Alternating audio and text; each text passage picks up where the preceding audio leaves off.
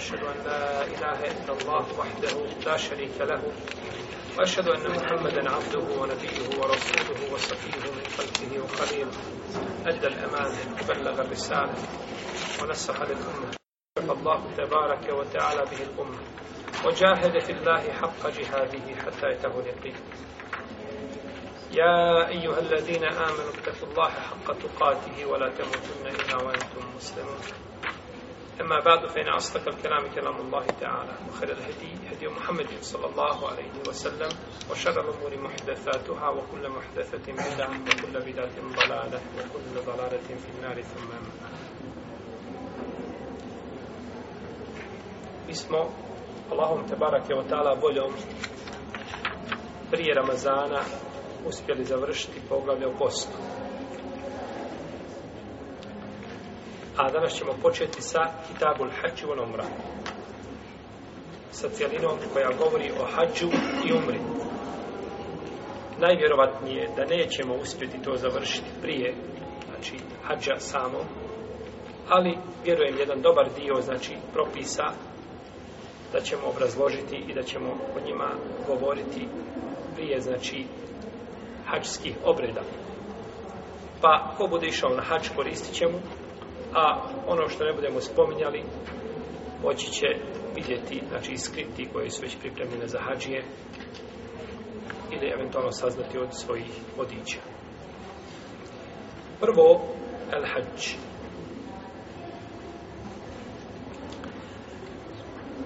Hađ u jeziku, u terminologiji, u lingvističkom značenju stvari, znači kasno ili cilj ili cilj. Dok u terminologiji islama znači posjeta Allahovoj kući i znači mjestima koja su ciljana hađem radi obavljanja posebnog ibadeta koji se obavlja u određenom vremenu na određeni način. To je znači definicija hađa. Kada se neko pitao što je hađ, kažete to je posjeta Allahove kući i posjeta znači, mjestima u određeno vrijeme koji se, znači, uh, uh, ibadet koji se obavlja na određeni način. A kako se obavlja, to je tema našeg druženja, inša u narednih par mjeseci.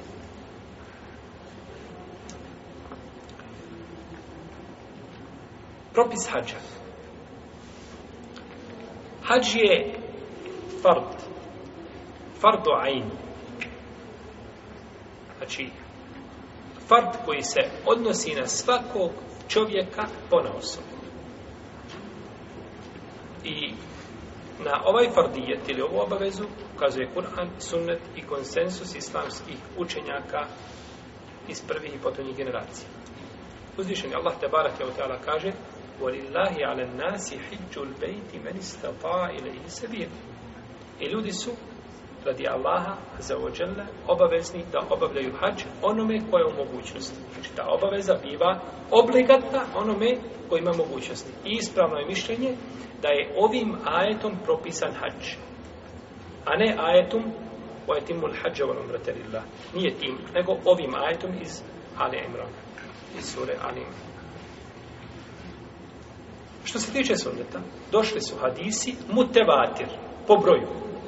Hadis može biti mutevatir. A brojem i može biti mutevatir značenje. Ko će mi navesti primjer? Jedan hadis koji je mutevatir. Molim?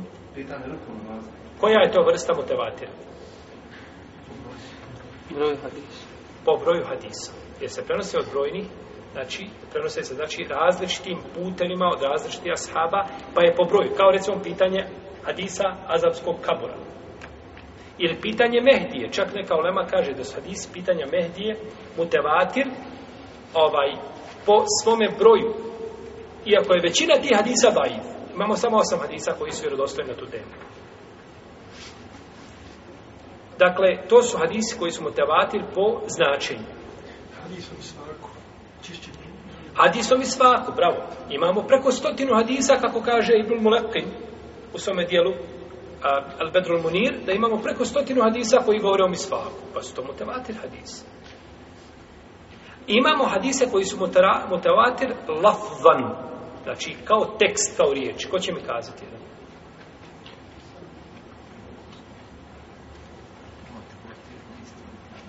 Bravo. Samo ga malo, dotiraj ga malo, tegni ga malo. Vrelo keusar. Kako vrelo keusar? Čuo sam da je taj hadis u tebi vratio sam. O, o, po, to je opet po broju hadisa. Nego hadisa kaže se men kezebe alejemu ta amiden tele tebe u lama. Kada je huminen nar? Ko na mene namjerno slaže, neka se pripremi mješto u patru. Ovaj hadis ovim tekstom prenosi preko 70 ashaba. Pa je on šta?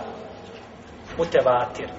Pa je to mutevatir. Tako su nam došli hadisi koji nam govore o hađu da su šta? Mutevatir. I hadisi o postu su došli kao mutevatir. Pa zašto islamska ulema ima poglavlje o namazu, poglavlje o zakijatu, poglavlje o hađu, poglavlje o postu? I u tome poglavlje imaš hadisa možda a, dvije stotine ili stotinu i pedesete isa koji govori šta o toj temi. Pa, je, pa su došli hadisi znači koji su mutevatir u značenju. Tako su došli, znači, hadis koji su motivatir kada je u pitanju, kada je u pitanju, znači, hađ.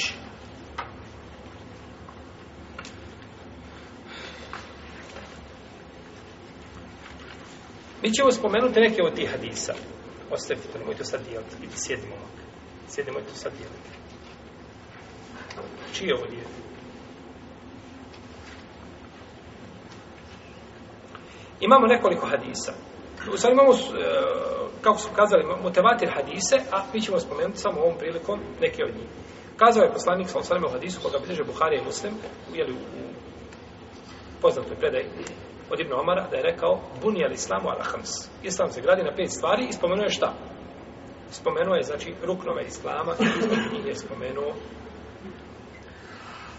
hađ. I došlo je u predaju od Ebu Hureyre, koji zabilježava muslim u svome sahiju, da je poslanik sa osrame jednog dana rekao Ja i juhan nas, inna Allahe kad farada alaikumun hađe fe huđu Allah vam je propisao hađ, obavljajte hađ. Pa je ustao čovjek koji nije spomenut u ovoj predaji, ali je spomenut u drugim verzijama hadisa, to je bio El Akra ibn Habis. Koji je rekao, E, fi kulli amin ja Rasulallah. Kaže, zar svake godine Allahu posljednje? Pa je rekao, pa je šukao, pa ga je tri puta upitao isto pitanje, pa mu kaže, leo kultu nam, leo džebet, one mesta partu. Kaže, ja da sam rekao da, vi biste to morali, a ne biste to mogli. Znači da je poslanik, sam, sam rekao da, svake godine, kada dođe hijđat od prilike, ti bi morao sa svojom porodicom da se pakuješ i u meku. A to ne bi niko mogao izdržati. Ko može svake godine obavljati hađ, prvo materijalno, i druga stvar, kako obaviti hađ sa, na primjer, sada milijardu i nešto ovaj, miliona muslimana. To je nemoguće. To je nemoguće. Što se tiče konsensusa islamskih pravnika, svi su složni da je hađ obavezan osobi koja je u mogućnosti, znači da ga obavi jedan put u životu. I ovo spada, braćo, u temele vjere koje je čovjek koji porekne izlazi iz okvira islama. Znači, poreć je obavezu hađa, a je nevjerstvo.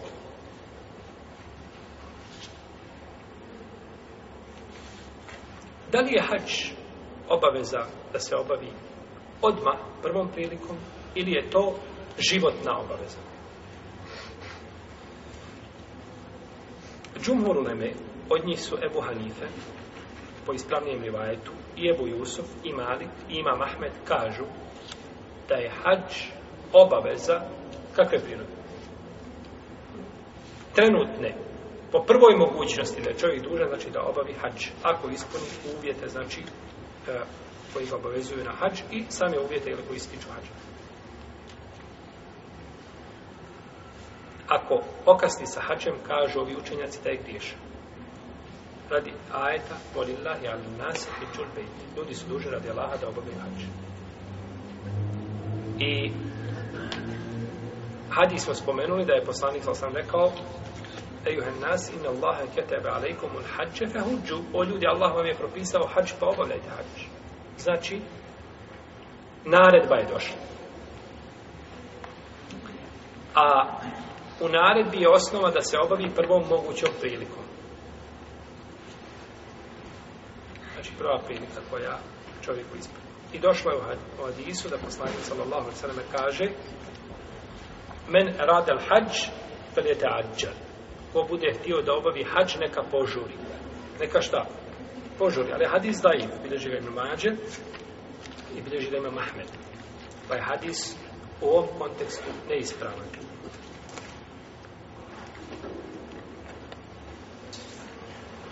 I došlo je kod Tirmizije da je poslanik sa osrame rekao ko bude imao obskrbu i ko bude imao jahalicu pa ne obavi hađ svejedno mu je da li umro kao židov ili kršćan. Znači, ako ne obavi hađ, svejedno mu je, je umro u tom stanju, halu, ili umro kao židov, židov ili kršćani. No, međutim, ova predaja dajiv. Ova predaja nije vjerodostojna od poslanika, sam ispravno je da su ovo riječi Omara. I kao riječi Omara, to je došlo sa vjerodostojnim lancem i ovo je poznat kod islamskih učenjaka, da li je određena predaja a, da li je meukuf ili merfuo. Da li se to pripisuje poslaniku, sallam, ili se pripisuje ashab. Ispravno je da su to riječi ashab.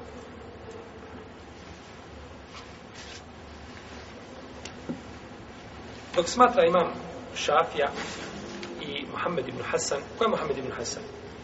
Učenik je Šafija. Učenik? Ebu Hanin. Ebu Mohamed ibn Hasan Šeibani.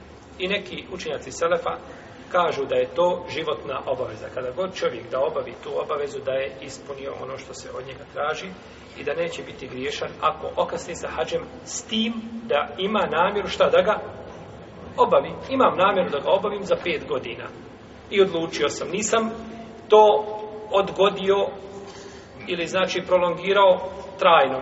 Nemam namjeru nikako da ga obavim. Ne, nego znači obavit ću hač, ali neću ove godine, niti naredne, iako sam omogućio se, nego za četiri, za pet ili za više godine.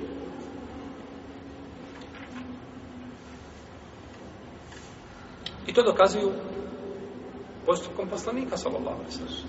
Koje godine je bilo oslobođenje Mekije? Molim. Osme. Osme hijđarske godine. A poslanik, s.a.v. je obavio hađ koje zadnje godine pre smrti, desete, jer on je preselio sallallahu alaihi wasallam, znači nakon hađa, možda nekih tri mjeseca, kaže 80 dana, do 90, znači prilike nekona tri mjeseca. A, pa nije obavio hađ odmah po šta oslobođenju, Mekke. Prve godine.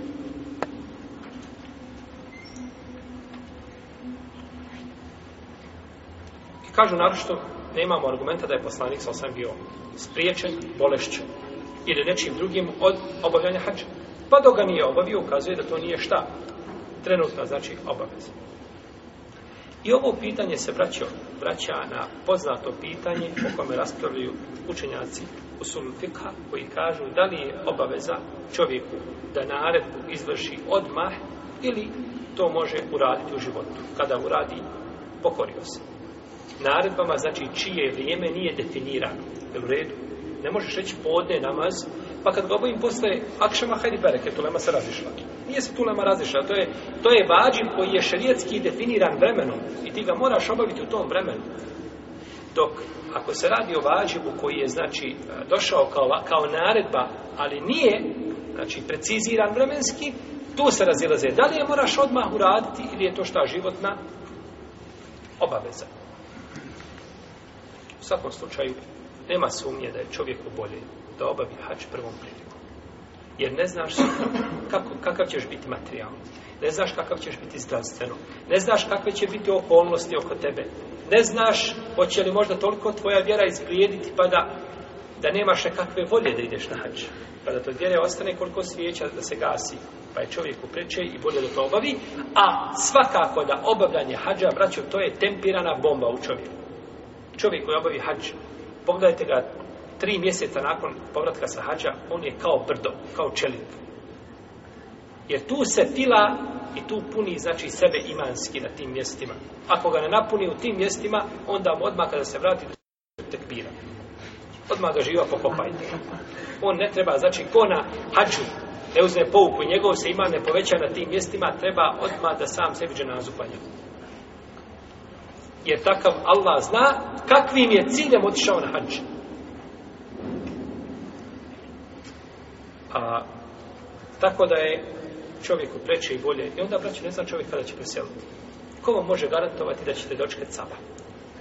I preseliš i vratiš se gospodara za ođele bez hađa, a imao si mogućnost da ga opravi, obaviš. Je u redu? Dobro.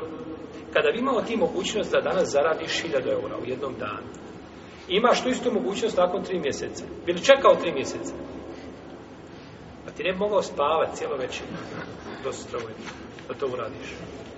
Pa zašto, zašto nemamo iste aršine kada je u pitanju vjera i kada je u pitanju nagrada? Možda budeš mogao obaviti hač nakon ove godine svake godine. Jel u redu? A ti ga nisi obavio ove godine i više ga ne možeš obaviti, taj će ti hač ostati krnje. U svakom slučaju, obaviti hač, požuriti sa hađom je hajri bereket, a odgoditi hač je stvar jedan veliki upitnik koji stavio spred sebe, treba odgovoriti na njih. Pored toga, kažemo, jeli, pored razilaženja, jeli, koji ispomio islamski učenjac. Braćo čovjek, po, hač povećava čovjek obskrbu njegu, povećava mu bereket u svemu. Allah smo kao studenti tražili, znači, putevi naše, pa ako je trebalo da se i zaduži, neko dode na hač, i nakon toga, kada se vratiš, onda ta Allah otvori nekakav put obskrbu pa je hađ, hađ je bereket o hađu je bereket odlike hađa odlike hađa su broj ja neću ništa više spominjati onoga što je autor ovdje spominjao jer je spomenuo nekoliko odlika koje su bitne ako bude htio više neka posluša predavanja o hađu kojima smo govorili, tamo smo spominjali puno više odlika nego što je autor ovdje spomenuo. No, međutim, da ne ponagali ste stvari, ovaj, ograničimo se samo na ovo, na ovo što je autor ovdje spomenuo. Prvo, hađ briše čovjekove grijehe. Kako došlo u hadisu kod Buhari i kod muslima, da je govorio da je poslanik sallallahu alaihi sallam rekao Men hađe, felem jerfuth, volem jefsu. Ređa ke jeumi, voledet umu ko obavi hađ, a ne bude imao snošaj sa ženom i ne bude a, imao grije, ne bude griješio u tome, vratit će se na dan kao kada ga je majka rodila.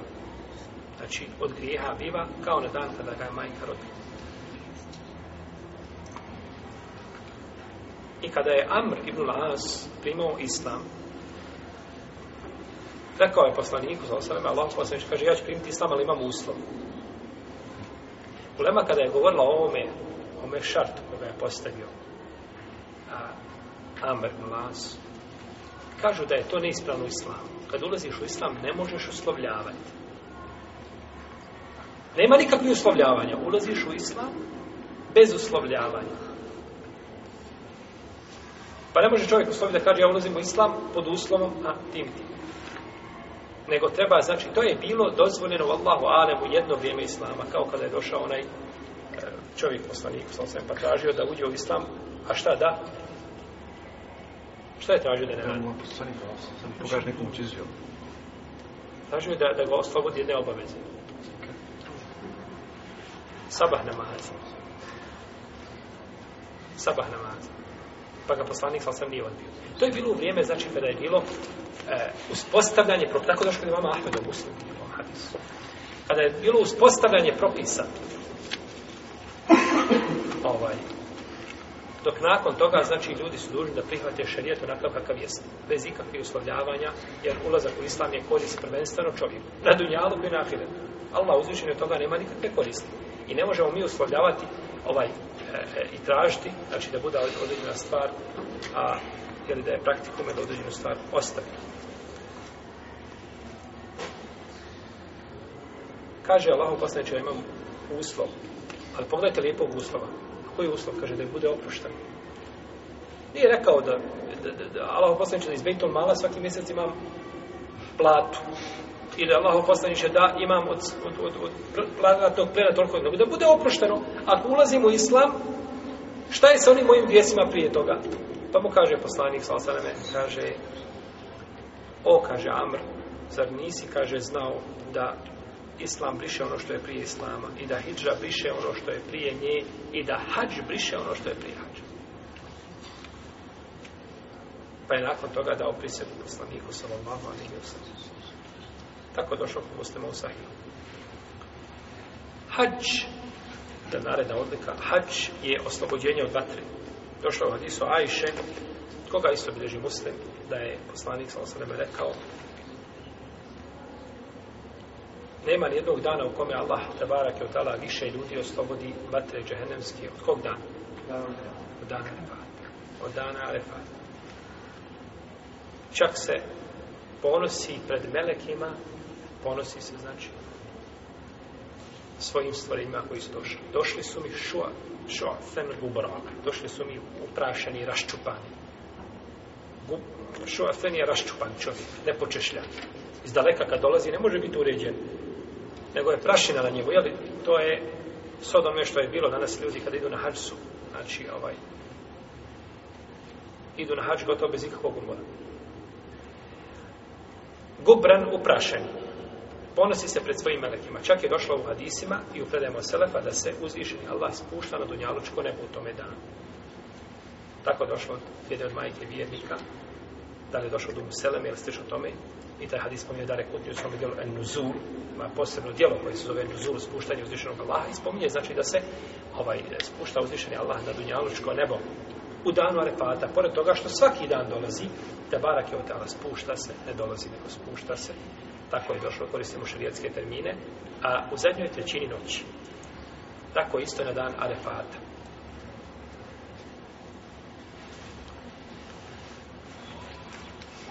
Dalje, nagrada za hađ je džennet. Nagrada za hađ je džennet. Kako je došlo u hadisu kod Buhari i kod muslima da je govorili da je poslanik sa osvrame rekao da na umratu je na umrati kefaratu nima bejnehuma. Wal hađu l-madruru lejl se lehu džezaun illa l-đenne. Kaže od umre do umre je iskupina onome što je između toga od grija. A hađ koji je mebrur Hadž mebrur je hadž koji je obav, obavljen po sunnetu poslanika sa osrme u kome nema, znači nema snošaja, nema griješenja, nema rasprava, bespotrebni, beskorisni, u kome nema bidata, novotarija, bilo koje vrste, nego se znači sunneti praktikuju svi kakvi, to je hadž mebrur. Od bir, od dobročinstva, to je pravi, lijepi hadž, za koji nema nagrade osim džennet. Ne postoji za njega ništa, ne možete nagrati osim džennet. Tako je rekao Rasulullah sallallahu alejhi ve Dalje Hadži je najbolje djelo. Kako je došlo u hadisu? Ebu Hureyre, koga bilježe Buhari i Muslim, da je poslanik sa osanem upitan o najboljem dijelu, pa je rekao el imanu billahi wa rasuli, vjerovanju Allaha i poslanika, to je jeli uvjet za ispravnost bilo kog dijela. Potom je upitan koje kaže džihadun fi sebilinna, borba na Allahom putu, džihad. Kaže potom koje Allah posljednič kaže hađun mebu, hađ.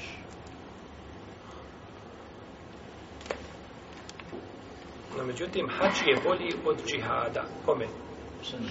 Žena. Bolji je žena. Kako došlo od Isu Ajše? Da je kazala, Allah posljednič, vidimo da je džihad najbolje djelo. Vidimo vrijednost šehida vidimo, znači, a, a, ashabe na tome putu kako se žrtvuju. Pa zar nećemo se, kaže, mi boriti? Pa su žene u vrijeme poslanika, znači, sam bila bolje od muškaraca u današnje vrijeme. Kaže, nećete, lekunne aftalul džihad hađun mabrum. Kaže, vama je najbolji džihad da se a, borite na ovom putu. Jedno je se predaj, kaže, a, da kunne džihatun la qitala fihi al hađu al umra tako je došlo u predaju jednoj koju šeha Albani od Targibu od Targibu ocenjuje da je, da je vjerodostojna kaže vi imate a, džihad u kome nema borbe to je džihad, zaista hađu je znači, napor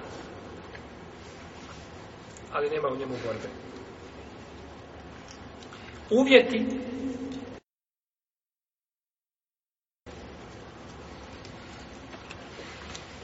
da bi čovjek bio šarijatski obavezan hađom, mora ispuniti određene uvjete. Ako jedan od ovih uvjeta nije prisutan, neće biti obavezan obaviti hađ. Prvi uvjet jeste islam, da je musliman. Prvi uvjet da je musliman. Drugi uvjet da je pametan. Treći da je punovjetan četvrti da je slobodan i peti da je u mogućnosti. Znači imamo da je muslima, da je pametan, da je punoletan, slobodan i da je mogućnosti. Ovo su pet, znači pet uvjeta koji se tiču hađa. Kaže Ibn Kudame, ne znam da postoji razilaženje među islamskim učenjacima po pitanju ovih šartova. Što se tiče prva dva šarta, islama i pameti, razuma, to su uvjeti, dobro me slušajte, da pa će ovaj biti to su uvjeti ispravnosti hađa. Pa kada bi nemusliman ili lud obavio hađ, njegov hađ bi bio šta? Neispravan. Njegov hađ bi bio neispravan. Što se tiče punoljetnosti i slobode, da je čovjek slobodan, da nije rob. Ovo nisu uvjeti ispravnosti hađa. Ovo su uvjeti e, zadovoljavajući uvjeti. U kom smislu? Kada bi čovjek koji je maloljetan obavio hađ, njegov hađ je ispravno. Jer je žena došla jednog dana i digla dijete poslaniku sa osam. Kako bi živa muslim u svojoj sahimu. Kaže, ali hada hađun ja Rasulallah. Kaže, ima li ovaj čovjek hađ? O, ima li ovo dijete hađ? Kaže, nam molekil ađun jeste, on ima hađ, a tebi je nagrada. Pa da mu hađ nije bio validan, ne bi šta imao? Ne bi bilo nagrade.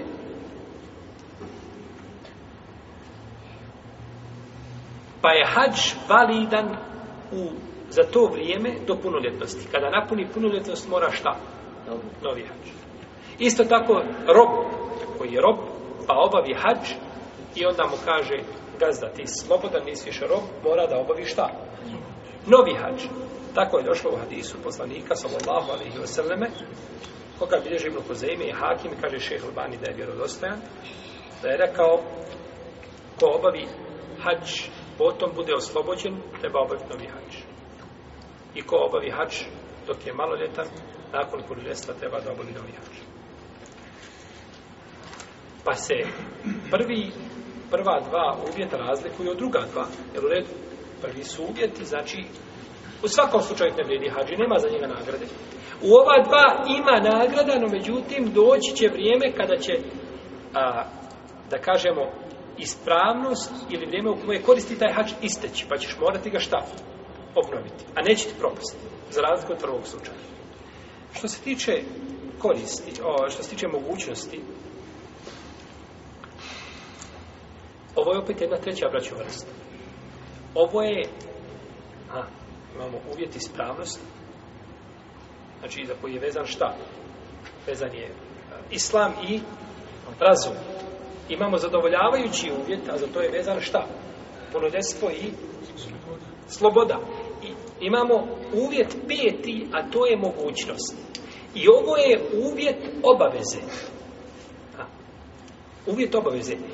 U smislu da kada ovaj uvjet ne bi bio ispunjen, a ti obavio hađ, hoće li biti hađ ispravan? Hoće. Hoće biti. Hađ će biti, znači, ispravan. Kao čovjek koji treba da bolestan, znači slomi ga kičma, ne može stojati u namazu. I pored toga stoji. Jako mu teško. Jel mu dozvan da sjedne? Jesu, braću, nije, nije, Nije braćo čovjeku dozvoljeno da klanja o sjedeći samo onome ko ne može stojati. A nema nikakve mogućnosti stoji i ne može. I onaj ko može, ali jako teško, veliki napor, znači takav napor da ga jako teško može izdržati, isto mu dozvoljeno šta da sjede. To je po ispravnom mišljenju kod islamskih učenja. Nije samo onome ko ne može. Jer može čovjek ponekad da stoji, no međutim to će ga stojanje izmorti, ovaj, i, i toliko će ga umoriti, takve će mu napore stvarati, da će mu to biti znači ovaj veliko opterećenje kaže mu sjedite no međutim kada mu rekao ne ja ću klanjati stojeći iznoji se u namazu i muka mu da, da završi tako namaz jer mu je ispravan namaz a kako nije ispravan namaz on je došao sa ruknom No, međutim, to što je on sebe preopteretio, to je druga stvar. To ćemo gledati, da li ti dozvodim sebe preopterećuješ i da, da ostavaš Allahove olakšice, to je druga stvar. No, međutim, ti si ispunio što je na tebi. Tako isto je ovdje. Čovjek bolestan, ne može znači ni hodati, ne može ništa u kolicima, ga neko treba gurati, cijelo vrijeme treba da ima ekipa oko, koja brine oko njega i pored toga odluči se dodje šta na, na hač. I obavi. On nije bio od onih koji su bili šta u osnovi obaveznih. Pa je ovaj peti uvijek šta? Uvjet obaveze. Pa se on razlikuje, znači ovi, ovi pet uvjeta, oni se dijele u tri šta? Skupine, imamo dva, pa dva, pa jedan. Dobro. Kako se ostvaruje ova mogućnost? Ili kako to, čime čovjek biva mogućan da obavi hađe?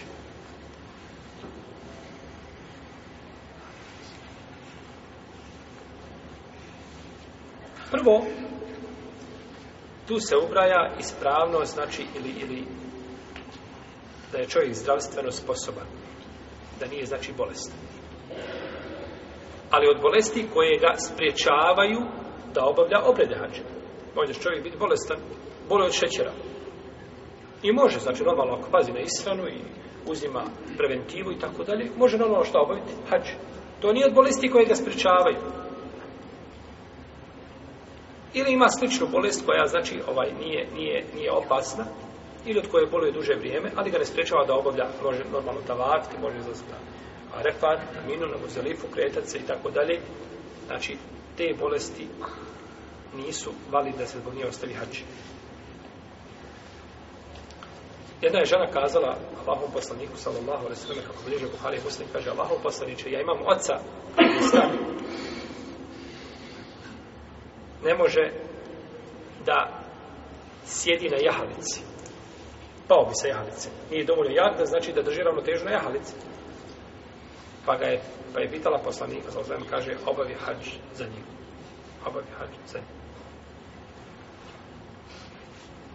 Pa, ko ima sve uvjete ispunjene, ali ovaj zadnji uvjet mu nedostaje, nije dužan šarijetski, znači da obavi hađ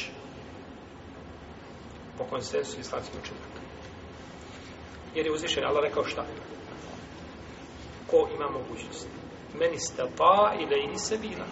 Ljudi su obavezni da obavljaju hađ pod uslovom da su u mogućnosti. Pa je taj uslov postavljen u Kur'anu, pa nije ni čudo, jeli? I ja sam da se složili islamski učenjaci oko njega.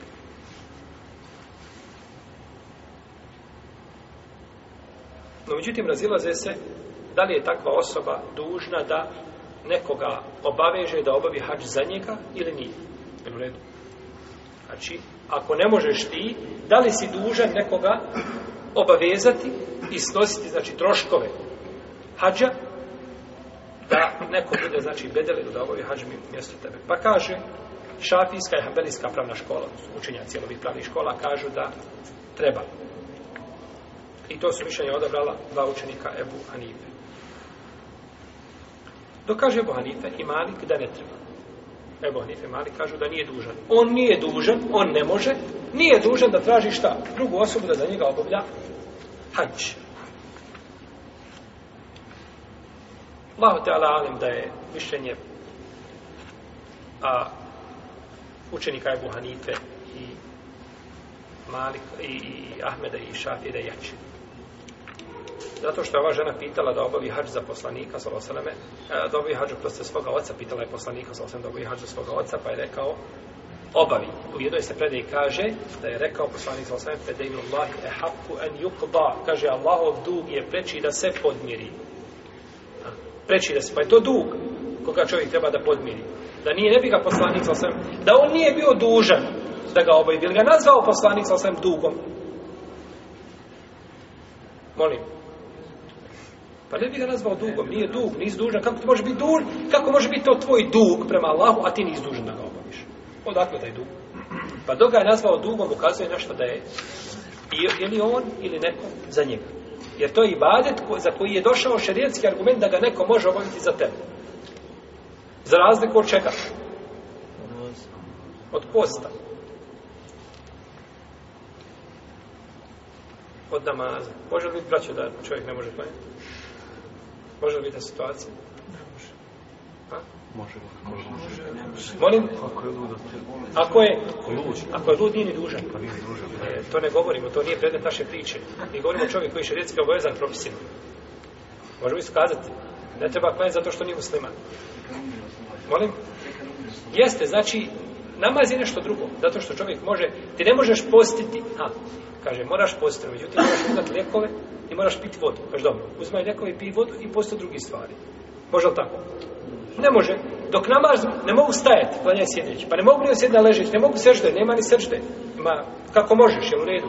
Namaz je poseban, vidi badeta. Pa znači, ne može niko postiti ni za koga. Za njegovog života ne može čovjek postiti. Ili će na posti kada ozdravi, ili će šta? Iskupiti se da plati za svaki dan. Dok za hađ imamo argument da može neko obaviti šta za određenu osobu hađ. A, drugo, znači prvo je da bude tjelesno, znači zdrav.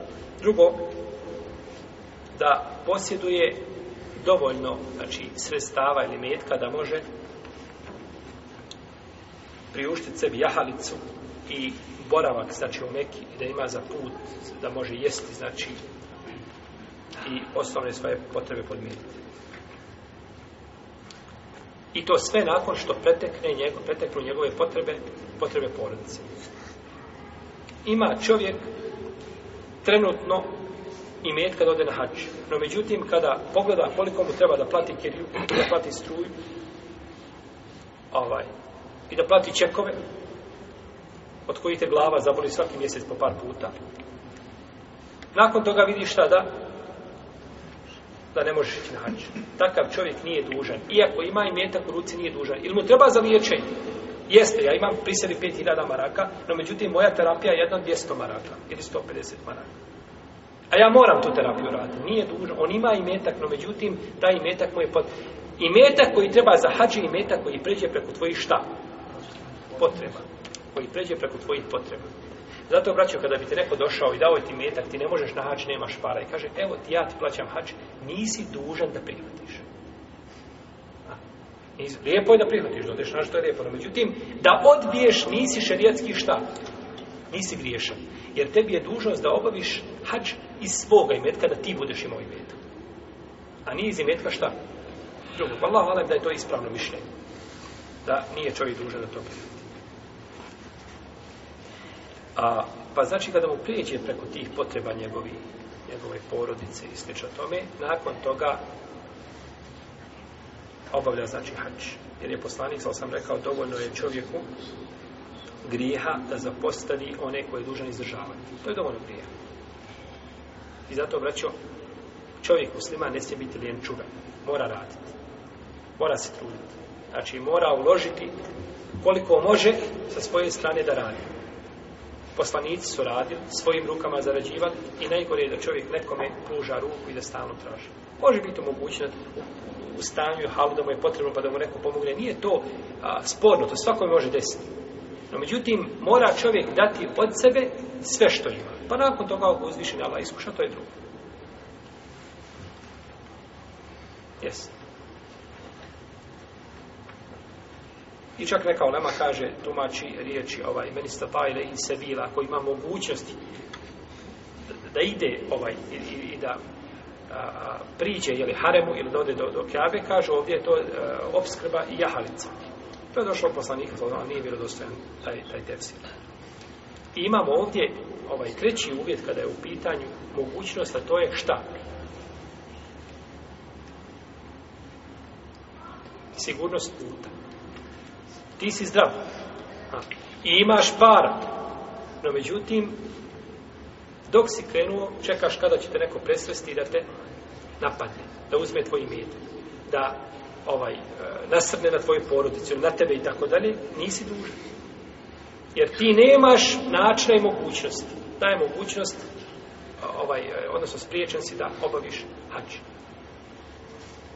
danas je to hvala Allahu iz većine islamskih zemalja da ne kažemo iz cijelog svijeta, osim da bi, ako bi čovjek morao putovati jeli, a, kopnom kroz određena krizna područja, tu možda može biti problematično, ali drugačije kako danas muslimani putuju, uglavnom su znači slobodni i ovaj, ovaj, a, ovaj šart jeli, ispunjen.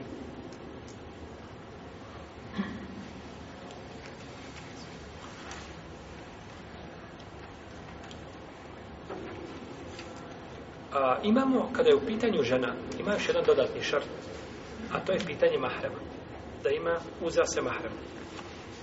Često ljudi ovako kad zovu na telefon kažu a kažu želim da se ženim, a djevojka nema mahrema. Ne kaže se mahrema, nego nema staratelja, nema velije. A mahrem i staratelji su dvije različite stvari. Pa čovjek može biti mahrem, ali ne može biti staratelj. Poput recimo dajđe. Dajđa je mahrem, ali nije šta. Dajđom sjedi u avion i putuje preko svijeta. Gdje god imaš potrebno, nije problem. I on je tvoj šta? Mahrema, ne može biti staratelj. Očuh ti je mahrema, ne može biti šta? Staratelj, pa razlika između mahrema i staratelj. Žena za hač treba imati staratelj. Treba imati koga? Mahrema. Treba imati mahrema. A mahrem su, doćemo, voćemo mahrem kada budemo govorili šaltala o, o, o braku. Mahrem je svaka osoba koja ti je trajno zabranjena za brak. I ova, ova riječ trajno je jako bitna. Jer imate osobe koje su vam trenutno zabranjene za brak. Koje su tebi osobe trenutno zabranjene za brak? Koje žene? Sva punca, sva... E, a tetki. Dobro. Što ne kažete ovako? Zabranjene su mi sve žene koje su udate. Znači, jel ona je... Jel redno? Ali ta zabrana, je ona trajne prirode ili ograničene? Dok je tamo razvede suljo, može ženiti ko? Ujo. Znači, one su, to su, to su zabrane koje su e, e, ograničene, znači periodične. Svastika ti je periodična, zato dok imaš nju, ne možeš, dok imaš jednu sestru, kao suprugu, ne možeš ženiti svastiku. To su znači periodične, a i od te, taj, taj vid mahremstva ne vrijedi to nije mahrem, pa ne može svastika putovati sa svojim zetom na hač, na primjer. Kaže, ja njemu, on ne može sa, tačno, ne može s tobom u brak periodično, ograničeno. Za razliku, recimo, od majke e, ili, ne znam, e, ovaj, pastorke i sl. tome, to je znači trajno mahremstvo i to se ne mijenja, znači ne može, ne može ženiti nikada. Pa žena mora imati šta? Mahrema. Mora imati mahrema za hač Došlo je u brojnim hadisima od Ibn Abbas i drugi da je poslanik sallallahu sallam rekao nije dozvoljeno čovjeku da se osami sa ženom. Nije dozvoljeno čovjeku da se osami sa ženom bez mahrema. I nije dozvoljeno da žena putuje bez mahrema. Znači osamiti se u zatvorenu prostoriju ili prostoriju koja liči zatvorenu. Naprimjer, auto. Budeš taksi i sjedne ti u auto žena stranke To je otvoreno s jedne strane, ali s druge strane šta? Zatvoreno. Niko ne čuje vaš razgovor, vašu priču, pa zna ponekad put biti dug. Bez obzira što postoji, to su islamski učinjaci zabrani. Ili da, tu je žena bez mahe. Pa kaže čovjek, Allah uposlediće, umre žena otišla na hač. A ja se upisao da idem u bitu. Ja odu u džihad, a ona odu na hač. Pa mu kaže poslanik sallallahu alaihi wa sallame, idi i obavi hađ sa svojom ženom. Da je bilo dozvoljno ženi, u vrijeme ashaba, kada je miran put bio, ashabi sigurno bilo je tu skupina, nije sama išla na hađ, skupina je bila koja je išla na hađ, bez ikakve sumnje. Pa da je bilo dozvoljno kazao, hajde bereke ti ideš u džihad, nama su potrebni ljudi za borbu. A pa tvoja žena ide sa skupinom žena i ashaba, to je pobjedilo. Ne kaže, idi sa svojom ženom na hađ. I ovo je stav hanefijskih i hanbelijskih učenjaka. Hanefijski i hanbelijski učenjaka. Našao sam braću u knjigama hanefijskog fika. Kod imama Zeilaje. Ima dijelo koje zove Tebinul Haqaiq, štampano u šest tomova, fik, hanbelijski, to su ogranci eh, han, hanefijski, uprosti. Imama Zeilaje, veliki hanefijski alim i pored toga je muhaddis. Hanefijski nije puno učenjaka iz hanefijske pravne škole nisu bili muhadisi. Imam Zejde jedan od rijetki. I to ekspert za hadisku nauku. Ima dijelo koje zovete Binul Haqaik. Isto tako Ibn Abidin, koji ima svoje hašije na redu Muhtaru.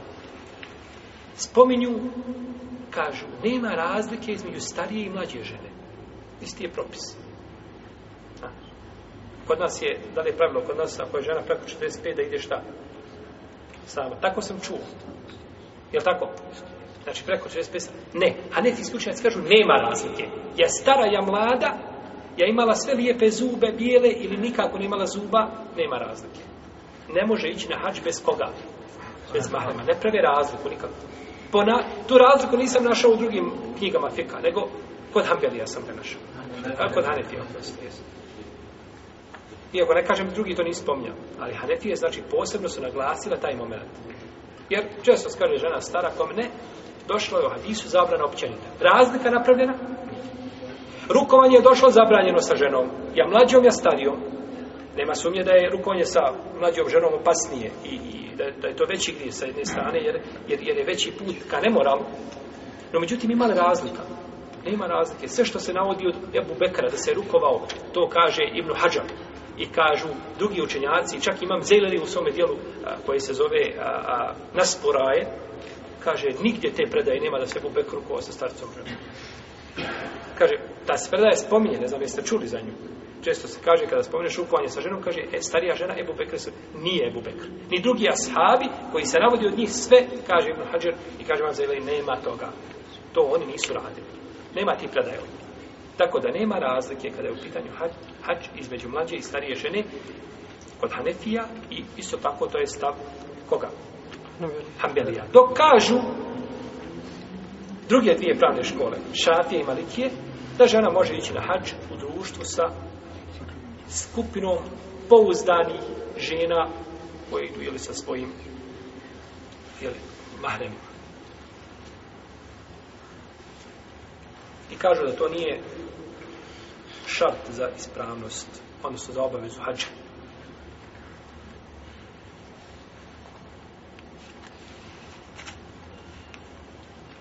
Zahirijski učenjaci kažu, ako nema muža ili nema mahrema, ili muž joj muž je sprečava da ide na hač, kaže može bez mahrema. Ovo je znači ako nema, ha. ili ako je sprečava.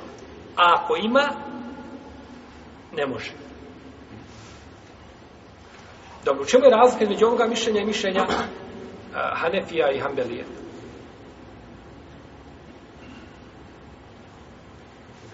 Hanefije, kod Hanefija i Hanbelija, ako nema, nije ni obavezno. Ako nema, nije ni obavezno. Ima jedan, ima jedan drugi moment koji je bitan. U stvari, nije, nije ispravno. Ne, nije ispravno, nego... Ne može. Ne smije. Ne smije. Kod ovih ne smije ići, nemaš uz, ne smiješ krenut bez njega. To ti je zabranjeno da kreneš. A ovi kažu, nema, jer znači ako nema kod Hanefija i kod Hanbelija, spada šta? Spada obaveza. Dok kažu za Hirije, ne, u tom slučaju ide šta? Ide sam. Odnosno, ne sama, to ide sa skupinom, jel? Oni koji idu na hađu. U svakom slučaju, ovaj, ispravno je mišljenje, braću Allahu Teala, Allahu Teala, da je ispravno mišljenje a, učenjaka hanefijske pravne škole. I, hambelija, I to je stav većine općenito učenjaka koji na osnovu opći hadisa brane žen da ide na hađ bez mahana. To mišljenje savršeno odgovara hadisima. No međutim, ako bi žena obavila hađ bez mahana, pored toga kaže, ne, ne, ja idem na hađ bez mahana. I to hanefika, kojaka zna da po hanefijskoj pravnoj školi šta? Ne smije ići bez... U šafijske pravne škole i kod Malikija, braće, pitanja fikska su takve prirode. Ljudi ako smatraju, znači šafijski, svi u, ljudi koji sede šafijsku pravnu školu i žene idu na hađ u društvu sa skupinom povjedljivih žena, oni nisu griješni. To su ljudi koji su obavezni da slijede, znači učene i oni slijede koliko mogu. No, međutim, Osoba zna da je zabranjeno, žena zna učena u vjeri i zna da je to zabranjeno i ubjeđena da je zabranjeno i pored toga ode na hađ. Je li hađ ispravan? Nije. Hađ ispravan. Molim?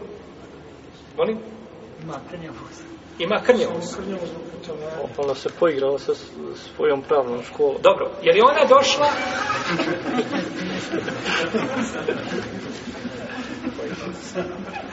Dobro. Ako je posebno Ona... šrt, molim? Ako je posebno šrt, znači nije, nije ispravno, jel? Barefi ispravno. E, braćo, mi imamo ovaj, mi imamo uh, uh, ovaj uvjet koga su postali islamski učenjaci. Ona ne smije putovati. No, međutim, je li ovo vezano, ova zabrana, je li vezana za hač ili vezana za put? Samo za put. Znači, nije vezana za hač. Jer u redu. Čovjek klanja u ukradenom kaputu. Jer mu namaz pokvaren ili ispravan? Ispravan kod većine uleme. Ambelije kažu da je pokvaren. Ka, zašto se veže taj kaput? Je li on, je li, je li on se veže direktno za, za namaz? Ne veže se za namaz. On je nešto ban namaza. Put je nešto ban čega?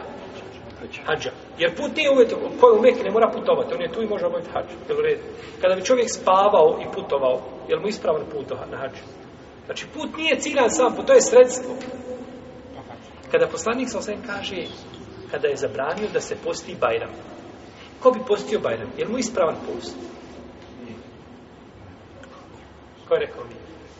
Ko je rekao, moraš obrazložiti. Ispravan je nema nagrade. Ispravan ali ima, kako ispravan nema nagrade? To je zato što šubeli. Ako smatraš da je, da je Bajlam haram ti, ali ako... Do, dobro, haram je, u redu, slažemo se da je haram, ali on ipak posti. Je li mu ispravan posti? On ako svidi drugu pravnu školu... Nema, nema pravnih škola. Mi govorimo sada ovdje... Nije ispravan. Nije ispravan. Šta je pa zabrana? Znači, braćo, zabrana je došla vezana za šta? Za šta? za Bajram i za post ili posta. Vezana za post na taj dan i onda biva post Baltil. Ko bi postio na Bajram bio bi riješan i nema nikakvu nagradu. Jel u redu? Ovdje zabrana, zašto je došla? Direktno vezana za hađ ili za put? Je li put direktno vezan za hađ? Svatate gdje je razlika? Neko će kazati, dobro, ovdje, ovdje je zabrana i kažeš da je pokvareno djelo. A ovdje je zabrana da klanjaš u kadrenom kaputu, ili da klanjaš sa zlatnim prstenom, ili da klanjaš na utetoj zemlji. Dođe Srbini klanja u Banja Luci za zemlju muslimana. Primio islam. Otele, otele muslimane. Je ono namaz ispravan? Jeste ispravan zato što to mjesto, znači to nije direktno vezano za šta? Za? Za ibade. Jer nije vijest direktno vezano za ibade. Tako da je ovaj žena koja pobavila hađ bez mahrema, bio bi njen hađ ispravan. Ne bi ga morala ponavljati, ali učinila grijeh. Učinila je šta? Grije zato što je putovala bez, bez mali. Jesu. Žena je dužna da pita supruga da ide na hađ, a on nema pravo da joj brani. Pazite kako, kako je to lijepo šred. Ona će ga pitati i tražit će izun, a on nema pravo da joj brani, znači da odlazi na... Čekaj pitanje, ako nema mahrema, nema pravo da joj brani. Ako nema mahrema, nema pravo da joj brani. Ona ga pita. Ko je rekao ako nema mahrema? Ona ga pita da ide na hađ. Ide svojim babom, svojim bratom, svojim mamićom, jel u redu? Znači, nismo kazali da ide bez mamića. Mi smo riješili, to smo absolvirali, završili smo, znači, ne može bez šta? Bez mahrema. Sada je ona će pitati svoga, znači, supruga da ide na hađ. I ona ima svoje pare. I njen babo ide na hađ, a on nema para. I malo se razljubomorio. Pa kaže, ne možeš ići. Nema to pravo nema pravo, znači da joj zabrani. Ako je hač fars, kod džumhura u Leme, ne, ne smije joj braniti. Ne može joj braniti. Kao što ne može braniti da posti. Ne može kasnije nećeš posti. Treba je znači to. To je znači kod Leme koji kažu šta da je hač trenutna obaveza. Oni koji kažu da je onako životna obaveza, znači kod nje to kod nje opet propisili drugačije. No, međutim, ako je hač nezra, zavjeta, pa ga upoznala i on pristo. Ili se je zavjetovala prije braka. Prije braka. Pa on upoznat se o time pristao, nema pravo znači da joj brani. Nema pravo da joj brani. A ako je zavjetovala se znači samo tako, onda životna obaveza kada god ispuni, to A ako je hađ, dobrovoljeno, sunnet. Ili želi da bude nekome bedel, da ide za nekoga. Znači, onda, onda je može zabraniti. Može je zabraniti. U tom slučaju, to je njegovo, znači to bi bilo njegovo pravo. Žena koja je u intetu neće izlaziti ovaj iz kuće, znači da bi išla na hađ, kako je učin Allah, la tu hriđu hunne min bujuti hinne, vola je hručin, nemojte izgoditi iz njihovih kuća i neka ne izlaze, pa žena znači treba da boravi taj period. Jer njoj vađi da boravi šta? U kući. Može li taj vađi žena koju je muž preselio duža da boravi koliko u svojoj kući? Četiri mjeseca i deset dana. Može li ona taj idet obaviti nakon tri godine? Ne može. Duža je odmah nakon šta? Smrti. Lama se razilazi ako bi ženi javili nakon 4 mjeseca 10 dana da je njen muž preselio. Je li ono vrijeme bio idet? Ili nije? Tu se razilazi, jer nakon mjesec dana počne ga računati, u idet ili od tada počne računati. No međutim, ako bi žena ovaj, bila, muže je preselio danas iz dana, počne je idet od vremena preseljenja, ta idet mora biti odmah neposredno nakon čega? Nakon smrti. A mora li hač biti te godine? Ne mora. Znači, hač može biti naredne godine. Pa imaš sad vađib koji je došao i koji je ograničen vremenski, a imaš vađib koji može šta uraditi kasnije. Pa moramo spojiti oba dva. Pa će ostati to vrijeme u idetu i neka prođe zohriđa to idetu, pa naredne godine šta ide na, hađ. I tako, jer kako je naređen hađ, tako je šarijet zabranio izlazak. I ona sad gleda da upotpuni šta, jednu i drugu obavezu. Kaže, neće ove godine i zato što mi je sada zabranjeno, ali idem šta? Naredne, ako budem imala jednu mogućnost. Yes. Dok hambelijski učenjaci prave razliku između žene koja je nakon talaka u itetu i žene koja je u itetu nakon, znači smrti muža. No, međutim, nije, znači, šarijet napravio a, eh, razliku u ovome pogledu. Nema znači razlike između jedne i druge kada je u pitanju, znači, intet, dužne su da borave u svojoj, svojoj kući. Ovdje ćemo stati inša Allah, pa ćemo nastaviti dalje u narednom druženju. Allah, da rade, sve da vam nam bine vam. Hvala, da vam